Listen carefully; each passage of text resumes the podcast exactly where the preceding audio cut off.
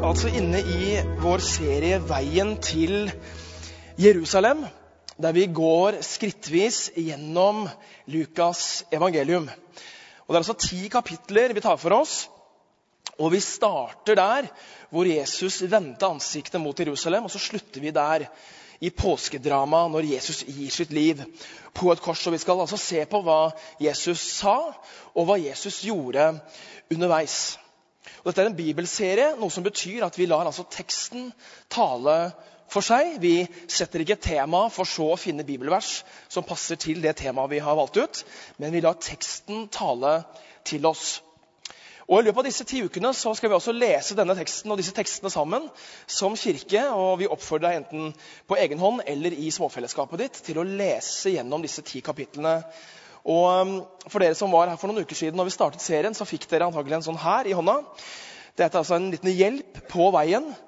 Og uh, Om du ikke har fått den, så er vi dessverre tomme, men det er mulig å få tak i denne på filadelfia.no. Vi lever jo i en digital tidsalder, så det bør være mulig for oss å hente den ned der. Så da er den oppfordringen gitt. Og Som en hjelp i, uh, i bibellesningen så har vi noe vi kaller for de fire o-ene. Og de står for ordet. Les teksten slik den står. Observer hva sier konteksten. Hva hørte de første tilhørerne? Oss i dag, hva sier denne teksten oss i vår situasjon i dag? Og opp til Gud. Be Gud og be Den hellige ånd om å åpenbare for deg det du leser, sånn at du kan ta dette inn i ditt eget liv. Så Derfra skal vi gå inn i Lukas kapittel 14 sammen, men først la oss be. Takk, gode Gud, for at du er en Gud som elsker å vise oss hvem du er. Og Vi takker deg for kunst, og vi takker deg for det du har gitt oss i Bibelen, og alle de tingene som omgir oss i ditt skaperverk, som forteller noe om hvem du er, og forteller noe om storheten i hvem du er. Og Jeg ber nå, Herre, om at når vi går inn i disse versene i dag, så skal du åpenbare deg for oss. Så skal du åpne våre øyne, så vi ser. Og så må du gi meg nåde til å tale sant og rett om deg. I Jesu navn. Og alt folket sa amen. Så Vi skal begynne i kapittel 14 og med at Jesus blir innbudt til å spise hos en høytstående jøde. Og Det står fra vers 1. En gang var Jesus innbudt til å spise hos en fariseer som var medlem av rådet. Det var sabbat, og alle holdt øye med ham. Det var en mann der rett foran ham som led av vann i kroppen. Og Jesus spurte de lovkyndige og fariseerne er det tillatt å helbrede på sabbaten eller ikke. Men de tidde. Da rørte han ved mannen, helbredet ham og lot ham gå. Og han sa til dem, om en av dere har en sønn eller en okse som faller i brønnen, vil han ikke da straks trekke han opp, selv om det er sabbat? De kunne ikke svare på dette. Denne historien utspiller seg altså i forbindelse med et måltid. og Dette er bare ett av mange eksempler i evangeliene på at Jesus nemlig spiste. Og Jeg tror ikke vi tar for hardt i om vi sier at Jesus spiste seg gjennom Lukas evangelium. Og så skal vi se på noen få eksempler på dette. I Lukas 5 så ble Jesus kritisert av de skriftlærde fordi han spiste sammen med tollere og syndere. Noen vers senere så får Jesus og disiplene kritikk for at de spiser og drikker og ikke faster, slik Johannes og hans disipler gjorde. I Lukas 6 så får Jesus kritikk for at disiplene plukket kornaks og spiste på sabbaten. Og I Lukas 7 så blir Jesus salvet med en kostbar salve av en kvinne som hadde levd et syndig liv. står det. Og Dette skjedde mens han spiste hjemme hos en fariseer. Da Jesus hadde samlet 5000, det står 5000 foruten kvinner og barn, og da han samlet disse til et møte, så ble de etter hvert sultne. Og Jesus ga alle å spise ved hjelp av fem brød og to fisker.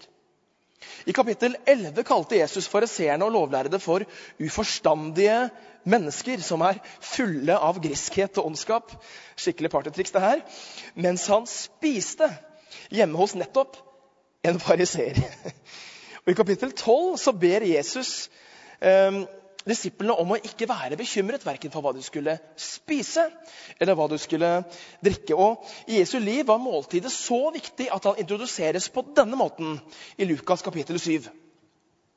Menneskesønnen er kommet, han spiser og drikker, og dere sier, se, for en storeter og vindrikker. Venn med tollere og syndere. Han spiste altså så mye at enkelte anklaget han for å spise altfor mye. Og det er kanskje noen her inne som er glad i mat, og som nå kjenner at dere er mer lik Jesus enn dere kanskje hadde trodd før dere kom inn hit i dag. Jeg elsker å se på matprogrammer på TV. Og det sies at vi moderne mennesker vi lager stadig mindre mat selv. Men vi ser stadig mer på at mennesker spiser mat på TV. Og En av de seriene jeg har fulgt på Netflix den siste tida, heter 'Somebody Feed Phil'. Vi følger Phil Rosenthal, eh, som reiser verden rundt og smaker på mat. Og eh, han smaker på pølser og hamburgere og biff og eggekrem i New York City. Og han spiser hummus og falafel og shakshuka i Tel Aviv. Og han spiser frityrstekt krabbeomelett i Bangkok. Og så følger vi han fra bord til bord med det som blir tydelig når man ser på denne serien, er at egentlig så handler det ikke først og fremst om maten. Nei, dette er en serie om møter mellom mennesker. For i løpet av sin vei gjennom verden så møter Phil Rosenthal ulike mennesker. og I slutten av disse episodene så samler han gjerne disse menneskene rundt samme bord. Mennesker som ikke kjente hverandre fra før, kanskje ikke hadde så mye til felles. Og så kan vi si at maten den gjør oss mett, men måltidet gjør oss ett. Og Det er antagelig derfor Jesus flere ganger gjennom evangeliene er å finne rundt et matbord. Det handlet ikke bare om å stagge sult, men det handlet om å bygge en, et dypt fellesskap mellom mennesker. Og til syvende og sist et dypt fellesskap mellom mennesker og Gud selv. Den rike måltidstradisjonen som vi ser i tidligere tider, vi ser fra Bibelen, den har på mange måter gått tapt i vår moderne norske virkelighet. Og Måltidet på Jesu tid var gjerne et event som varte i flere timer.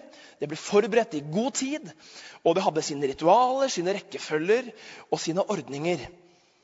Og Måltidet ble f.eks. brukt i forbindelse med inngåelse av viktige pakter. Og Den viktigste pakten vi har kanskje i norske samfunn i dag, er ektepakten, altså ekteskapet. Så vi kan si at Når vi spiser bryllupsmiddagen i et bryllup, så er det måltidet ganske mye mer og mye dypere symbolsk enn bare at gjestene skal få opp blodsukkeret litt. Vi kan si at I den antikke verden så var det ingenting som uttrykte fellesskap sterkere enn nettopp et måltid. Og I vinterferien så forsto jeg at vi hadde kommet ganske langt fra antikkens måltidsideal i vår familie. Og For dere som ikke har barn, så er jo måltidet en tid for å sette seg ned med gode venner kanskje, og spise god mat og faktisk smake på maten og legge merke til hva du har på tallerkenen. Og kanskje ha tid til å få noen gode samtaler og litt ro og litt fred. Men for oss som har barn, så er gjerne måltidet det stikk motsatte. Og I vinterferien gikk det sånn cirka som det her, at vi bestemte oss for å lage noe godt til middag. Så vi kjøpte inn gode råvarer. Vi forberedte dette i god tid. Vi begynte å lage middagen rett etter frokosten var ferdig. Og lot det koke og putre hele dagen for at dette skulle utvikle seg og bli til fantastisk festmåltid. Og vi setter oss ned ved bordet om kvelden, og vi er alle der, og barna er der. og i et øyeblikk idet vi setter oss ned ved bordet, så eksploderer konfliktnivået mellom våre barn til et himmelhøyt nivå. Vi har tre gutter da, på 5, 9 og 11, så det er ganske eksplosivt til tider. Og plutselig så er det en av de som ikke liker noe som det har likt hele sitt liv. Men akkurat den kvelden så bestemte de seg for at nei, dette liker jeg ikke lenger. Og plutselig så må alle tre på do samtidig. Dette er altså sånn fast rituale i måltidene for familien Østby. Og da tenkte jeg at nå er det min jobb å fortelle barna hvorfor vi spiser et måltid. Og eh, jeg så på dem, så sa jeg gutter, hør nå. Dere vet at når vi spiser et måltid, så er det så mye mer enn det å bare bli mett. Og de så på meg med store øyne. De så skikkelig sjokkerte ut, faktisk.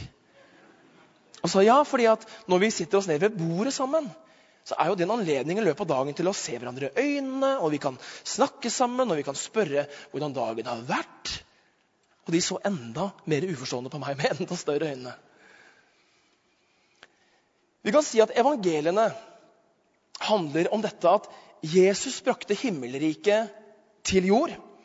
Han forkynte at himmelriket var nær, og at han selv var kroppsliggjøringen av dette himmelriket. Men måten han brakte himmelriket til jord på, så ofte ut som et måltid. Vi kan altså si at Jesus rett og slett var glad i en fest. Så får vi si som dama i bedehuset på Østlandet sa, at vi veit det, men vi liker det ikke. Så Jesus han ble invitert på fest, han gikk på fest, han var en mester på fest. Og Derfor er også Jesus en god person å spørre når det gjelder å få litt råd om hvordan man oppfører seg på fest. Og I disse versene fra Lukas 14 så gjør han nettopp det. Og Det første rådet han gir oss, er ikke anta at du er den viktigste i rommet. Og Vi leser fra vers 7. Da han la merke til hvordan gjestene valgte seg ut de øverste plassene ved bordet, sa han til dem i en lignelse. Når du blir bedt i selskap, så ta ikke plass øverst ved bordet.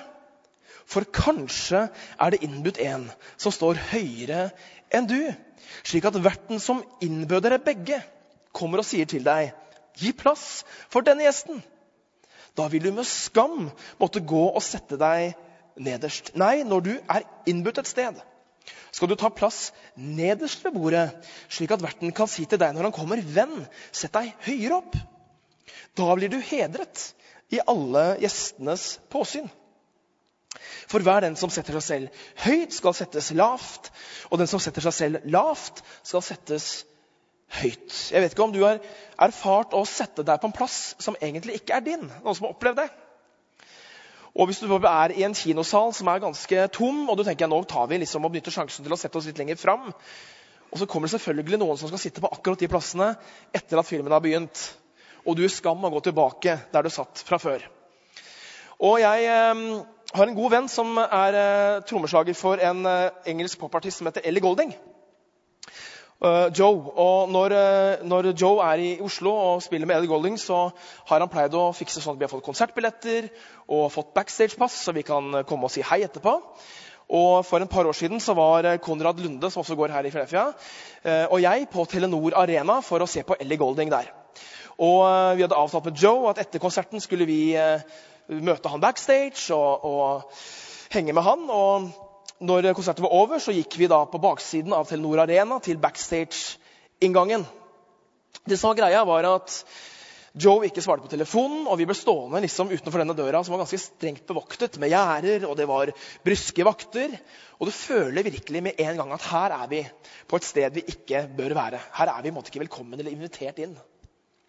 Så det gikk fem minutter, og det gikk ti minutter, og 15 minutter, og det gikk vel 20 minutter. Og Vaktene lurte litt på hva vi skulle, og vi sa ja, vi kjenner noen som spiller i bandet der inne. Og de så på oss og bare ja, yeah right. Den har vi hørt før. Vi har vært borti folk som dere før. Og så skjer det noe. For plutselig så går døra opp, og Joe kommer ut. Og med seg så har han noen røde kort der det står 'Backstage'. Og så står det A, A, A. Access all areas. Det er altså himmelriket for de som ønsker å komme backstage. Og det var litt sånn med jødene på Jesu tid at de høytstående jødene tenkte liksom at de var litt bedre enn andre. Det var kanskje en viss arroganse.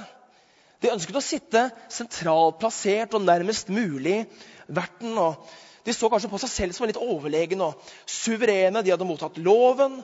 De var de utvalgte. Men denne teksten tror jeg er Jesu irettesettelse av det religiøse hovmodet.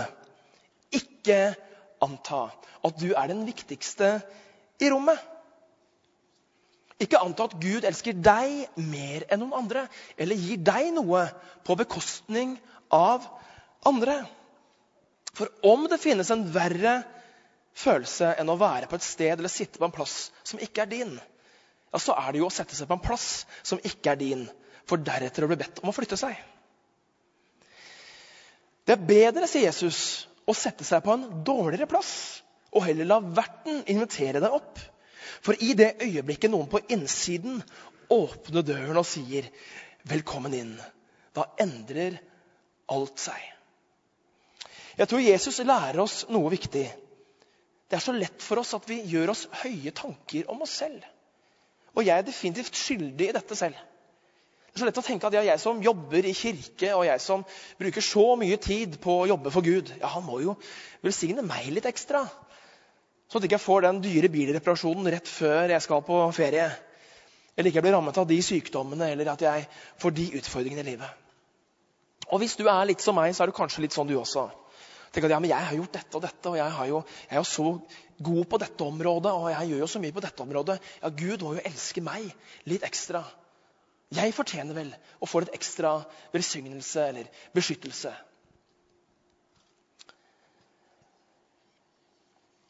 Å tenke at vi har en spesiell plass i forhold til Gud, er kanskje menneskelig.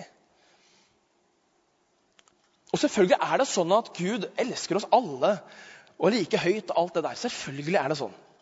Men noen ganger tror jeg vi står i fare for å tro at Gud elsker oss mer enn han elsker andre. For i vår menneskelige forståelse så får vi som fortjent.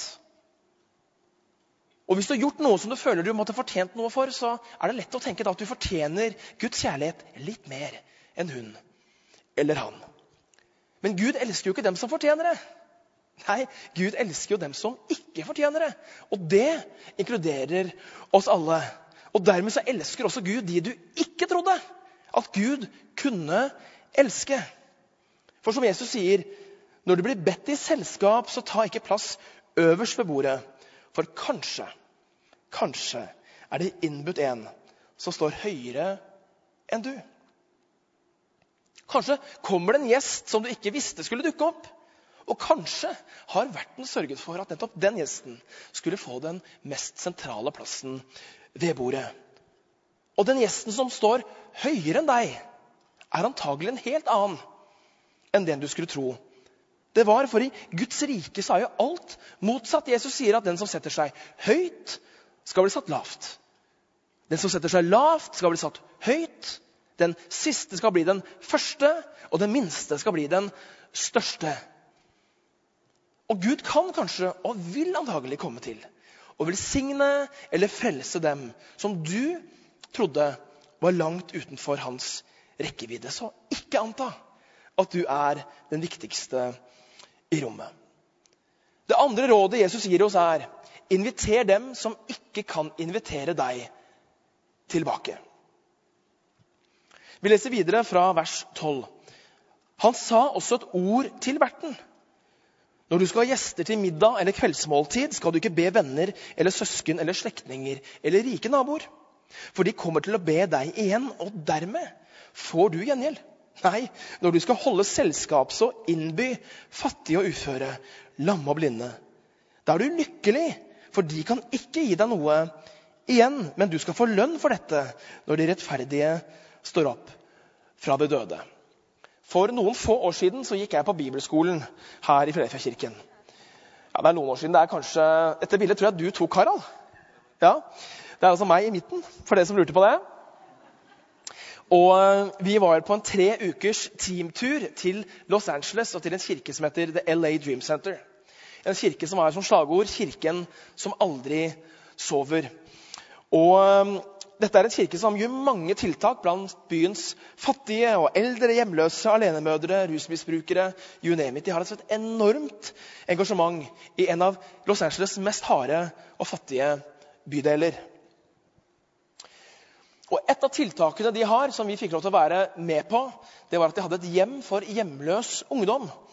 Og De fortalte oss at hvert år så kommer det tusenvis av mennesker, og gjerne unge mennesker til Los Angeles for å gjøre suksess enten innenfor underholdningsbransjen, innenfor filmbransjen, musikkbransjen. Og de fleste får aldri det gjennombruddet som de skulle ønske seg. Og For noen få så går det ekstra ille. Noen havner på gata som hjemløse. Enkelte jenter med skuespillerambisjoner havner som skuespillere i voksenbransjen. Og noen havner i misbruk, og noen havner i rusavhengighet. Og En kveld så fikk vi lov til å bli med teamet fra Dream Center ut på Hollywood Boulevard. og Et kvartal unna The Chinese Theater, der eh, Oscar-utdelingen bl.a. finner sted hvert år, så finner vi en fransk gutt ved navn René. Og Han hadde reist til Hollywood for å bli skuespiller. Han hadde en skuespillerdrøm. Han hadde lommene fulle av penger da han kom, men nå var han blakk, han var hjemløs, og han var uten håp.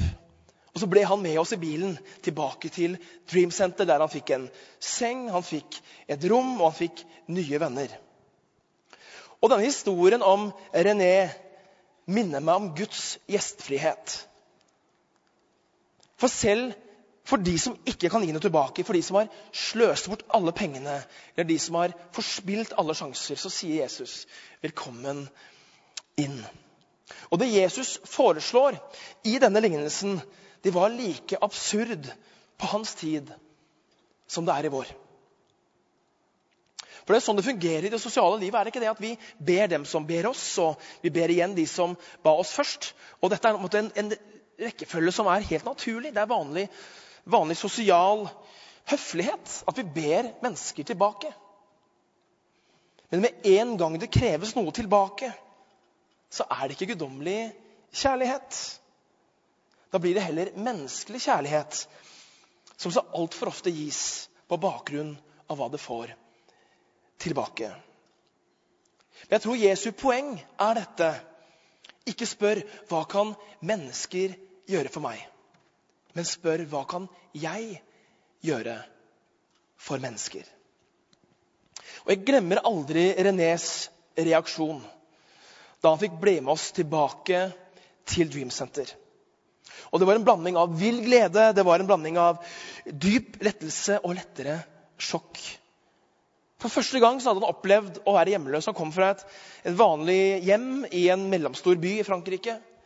Han hadde aldri opplevd noe spesielt krevende. Han hadde levd i trygge trygg omgivelser og hadde de pengene han trengte, og hadde et hjem. aldri, vært, aldri opplevd å være hjemløs før. Men nå, for første gang i sitt liv, så var han blakk og hjemløs og han visste ikke hva han skulle gjøre. Og til og med så hadde han opplevd å bli utnyttet og avvist. Men denne kvelden så møtte han noen som ga han noe, og som ikke krevde noe i gjengjeld. Og så utrolig som det kanskje høres ut som, så er det noen ganger vanskelig for oss mennesker å motta en sånn invitasjon.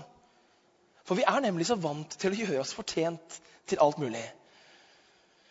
Og om du hadde innbudt gjester og sagt til dem at du, jeg ønsker å be dere på middag for at jeg syns så synd på dere, og dere er så fattige og dere står så, dårlig til med dere, så tror jeg ikke folk hadde hatt så lett for å takke ja til en sånn invitasjon. Nei, vi ønsker ikke å være gjenstand for veldedighet.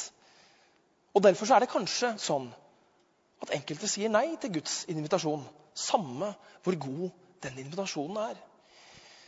Men forutsetningen for å sitte ved Guds bord det er å forsone seg med at vi ikke har noe å gi ham tilbake. Den norske teologen og dikteren Donald, eh, Ronald Fangen eh, han holdt en tale for mange år siden. og Da sa han dette. Innbydelsen begrunnes aldri med våre fortjenester og prektige egenskaper. Vi blir aldri innbudt fordi vi kan yte noe i vederlag og øve gjengjeld. Innbydelsen begrunnes alltid med våre defekter, vår fattigdom og avmakt. Vi blir innbydd fordi vi ikke kan yte noe i vederlag. Og først når vi innser det, kan vi motta det. Så fangen sier altså at det er først når jeg skjønner at jeg ikke kan gi noe tilbake, at jeg kan ta imot det. Tredje punkt. Guds bord er aldri tomt. Vi leser videre fra vers 15. En av gjestene som hørte dette, sa til ham, Salig er den som får sitte til bords i Guds rike. Men Jesus sa til ham, det var en mann som ville holde et stort gjestebud, og han innbød mange. Da tiden for gjestebudet kom, sendte han tjeneren sin av sted for å si til de innbudte, Kom, for nå er alt ferdig. Men de begynte å unnskylde seg, den ene etter den andre. En sa, 'Jeg har kjøpt et jordstykke og må gå ut og se på det.' Vær vennlig og ha meg unnskyldt. En annen sa, 'Jeg har kjøpt fem par okser og skal ut og prøve dem.' Vær så snill og ha meg unnskyldt. Og en tredje sa, 'Jeg har giftet meg, derfor kan jeg ikke komme.' Tjeneren kom tilbake og fortalte dette til herren sin. Da ble husherren sint og sa til tjeneren.: Gå straks ut på byens gater og torg og hent inn de fattige og uføre og blinde og lamme. Tjeneren kom tilbake og sa, 'Herre, jeg har gjort som du sa, men det er ennå plass.' Da sa Herren til tjeneren, 'Gå ut på veiene og stiene og nød folk til å komme.' Så huset mitt kan bli fullt. For det sier jeg dere, ingen av dem som var innbudt, skal få smake festmåltidet mitt. Den norske bloggeren Martine Halvorsen har blant annet vært med i en TV-serie som heter Sykt perfekt. og Hun har flere ganger åpnet opp om temaet ensomhet. Og Hun skrev på bloggen sin nylig om en bursdag hun var invitert i. Og Hun skriver det var 36 stykker som var invitert i bursdagen. 27 av disse hadde trykket 'skal' på invitasjonen som ble sendt ut via et arrangement på Facebook. Fem stykker kom. Tre stykker sendte en snap og skrev at de ikke kunne komme i det bursdagen startet. Og fem stykker trykket 'kan ikke' etter at bursdagen hadde startet, uten å gi beskjed om hvorfor. Seks stykker av de inviterte var å observere et annet sted samme kveld, uten å i det hele tatt gi beskjed om at de ikke kom. Antakelig har mange av oss her inne også opplevd det samme. Og Unnskyldningen for å ikke komme i bursdag eller selskap var tydeligvis ikke, er tydeligvis ikke et nytt fenomen, også kjent på Jesu tid. For det står da alt var gjort i stand, altså festen skulle til å starte. Da renner unnskyldningene og avlysningene inn. Og samme hvor triste disse, disse, unnskyldningene er, så er det også litt herlig. da. For det står jo at en hadde kjøpt et jordstykke, altså kan si en eiendom. Kjøpt en ny eiendom, og han måtte ut og se på denne eiendommen akkurat denne kvelden. Så han kunne ikke komme. En hadde kjøpt fem par okser. Det ikke være noen som har kjøpt fem par okser i det siste? Nei, Kanskje Tesla? Kanskje Tesla. Han måtte prøve Teslaen. Selvfølgelig, Det gjør man jo når man kjøper en ny Tesla. ikke sant? Og den tredje han hadde nettopp giftet seg og kunne derfor ikke komme. Han fikk altså rett og slett ikke lov av kona. Og du har sikkert hatt venner som har fått kjæreste eller giftet seg, og som du aldri har sett mer etterpå. Så han var den typen som det. Mye av Lukas' evangelium handler altså om at Jesus inviterer jødene inn i Guds rike. Men mange av disse jødene tok ikke imot invitasjonen. Så en del av denne lignelsen er definitivt myntet på dem. Men Jeg tror også at denne lignelsen sier noe til oss i dag. Vi er også invitert inn i Guds rike på samme måte. Noen har kanskje tatt imot den invitasjonen, og noen har kanskje ikke tatt imot den invitasjonen. Men uansett så tror jeg vi alle kan komme i den situasjonen at vi kommer opp med unnskyldninger overfor Gud. At vi unnskylder oss. Og selv de av oss her inne som kaller seg kristne, kan også oppleve at viktige ting ofte kan komme i veien. Så kan Jesus etter hvert komme såpass langt ned i prioriteringsrekkefølgen i livene våre at ikke vi lenger forholder oss til ham. Jeg tenker det at De fleste som mister troen, ikke aktivt velger Jesus bort. Men jeg tror heller det er sånn at Jesus blir borte for oss i alt det riktige i livene våre. Og så sakte, men sikkert så kan veien tilbake til Jesus bli for lang. For det står Da ble husherren sint og sa til tjeneren Gå straks ut på byens gater og torg og hent inn de fattige og uføre og blinde. Det står altså at husherren han ble sint. Og Når man blir sint, så tyder det på at det rører et eller annet dypt nedi ham. Dette er Guds kjærlighet på det mest brutale. En kjærlighet som så fritt gis til oss og tilbys til oss. Men her ser vi at Guds farshjerte det knuses fordi det er noen som sier nei til hans invitasjon. Han har gjort alt i stand, han har dekket bordet, han har åpnet døren han har sagt 'velkommen inn'. Alt er klart. Allikevel er det mange som kommer opp med unnskyldninger om hvorfor ikke de kan komme. Og dette gjør Gud vondt. Og så står det at gjestene sa nei, men han gikk ut og inviterte noen andre i stedet. Hva sier dette oss om Gud? Jo, Gud tvinger ingen. Gud tvinger seg ikke på oss og sier nei, nå har du å komme. Og Det sier oss også at Guds spor aldri står tomt. For tjeneren i teksten han går ut på torgene, veiene og stiene. Og så byr han inn mennesker til festen. Og stiene og veiene og torgene betyr altså til de ytterste steder. Til de ytterste, ytterste ytterkant. Til de stedene der du iallfall ikke tror at du vil finne mennesker og gjester som vil passe inn i et så fint selskap som dette. Og Han inviterer ikke bare gjestene inn, men han står det, nøder dem til å komme. Han sier, 'Vær så snill, alt er dekket. Alt er klart for deg. Kan du ikke være så snill å komme?'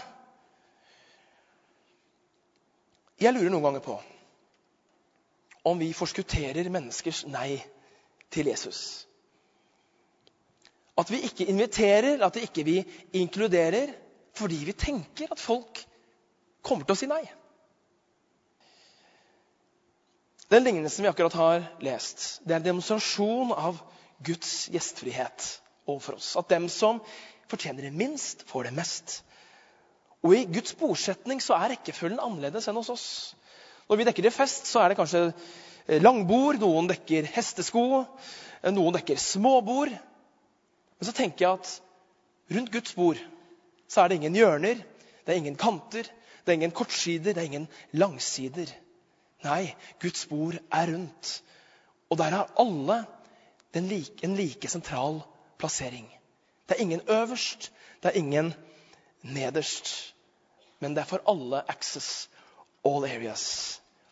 Og jeg tror vi vil bli overrasket når vi ser alle som egentlig er Guds barn, og kanskje til og med mennesker vi aldri hadde trodd var det. Vi har snakket om at mange ganger i løpet av sin vei mot Jerusalem så er Jesus å finne nettopp ved et bord. Og at måltidet handler om så mye mer enn bare å bli mett. Det handler om å bli ett med Gud og ett med mennesker. Og når Jesus sitter ved bordet i evangeliene, så er det også et forbilde på det måltidet som Jesus skulle ha med sine disipler før han dør. Og Mot slutten av Lukas' evangelium i kapittel 22 så innstifter altså Jesus nattverden mens det står mens de spiste kveldsmat. Og Denne gangen så symboliserer altså brødet og vinen Jesus selv at han skulle bli brutt som brødet og at hans blod skulle bli utøst som vinden. Og Så sa Jesus under det siste måltidet.: Og nå overdrar jeg riket til dere, slik som min far har overdratt det til, til meg, for at dere skal spise og drikke ved mitt bord i mitt rike. Så det bordet som ble dekket av Jesus i dette livet, i denne verden, det går inn i evigheten. Og vi som har blitt satt ved Jesu bord i dette livet, skal få sitte sammen med Jesus i evigheten. Guds gjestfrihet handler om dette, at Gud har dekket et bord for oss. At vi kan invitere mennesker også til å spise ved dette bordet. Dette er hva vi er invitert inn i, og dette er hva vi kan invitere andre inn i. Og tenk det, at vår Gud ikke er en invaderende Gud som tvinger oss til å ta plass. Men at Gud er en inviterende Gud som dekker et bord for oss og sier 'Kom og spis'.